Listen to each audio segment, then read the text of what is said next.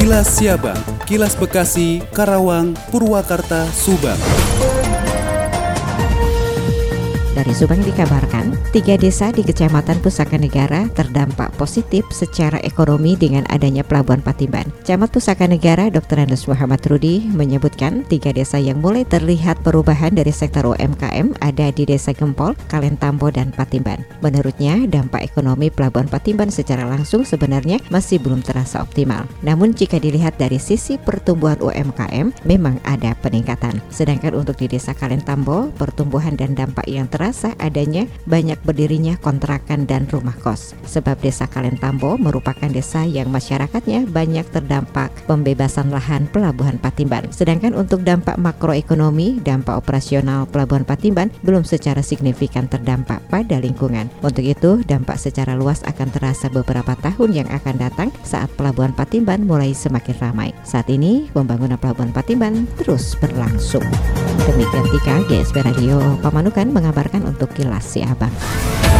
Kilas Siabang, Kilas Bekasi, Karawang, Purwakarta, Subang.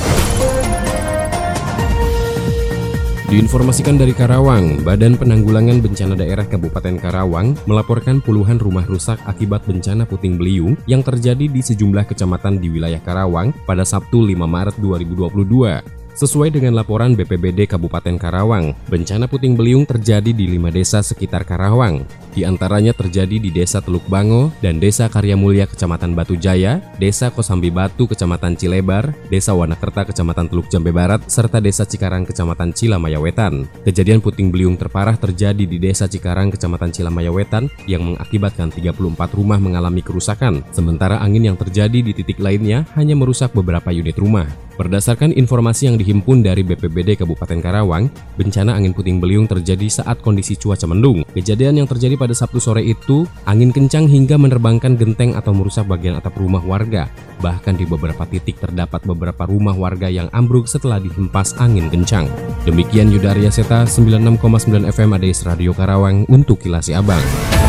Kilas Siabang, Kilas Bekasi, Karawang, Purwakarta, Subang.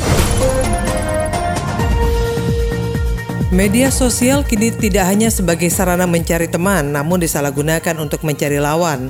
Hal inilah yang dilakukan sejumlah remaja yang tergabung ke dalam kelompok gangster di kota Bekasi. Mereka kerap mencari lawan melalui media sosial, lalu janjian dan tawuran. Tawuran antar kelompok di Bekasi semakin menjadi-jadi. Dua bulan terakhir, dua nyawa hilang sia-sia di kota Bekasi. Kelompok ini biasanya memberi identitas nama kelompok. Namanya beragam dan berbeda-beda antara satu dengan yang lainnya. Bahkan memiliki akun media sosial atas nama sekelompok tersebut untuk membuat janji dengan kelompok lain.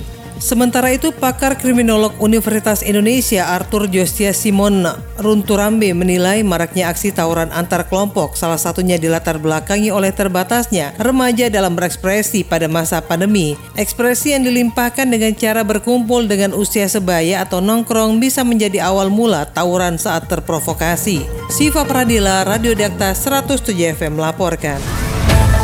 Demikian kilas si abang yang disiarkan serentak Radio Dakta Bekasi, Radio Gaya Bekasi, Radio El Gangga Bekasi, Radio Pelangi Nusantara Bekasi, Radio ADS Karawang, Radio GSP Subang, Radio El Shifa Subang, Radio MKFM Subang, dan Radio Populer Purwakarta.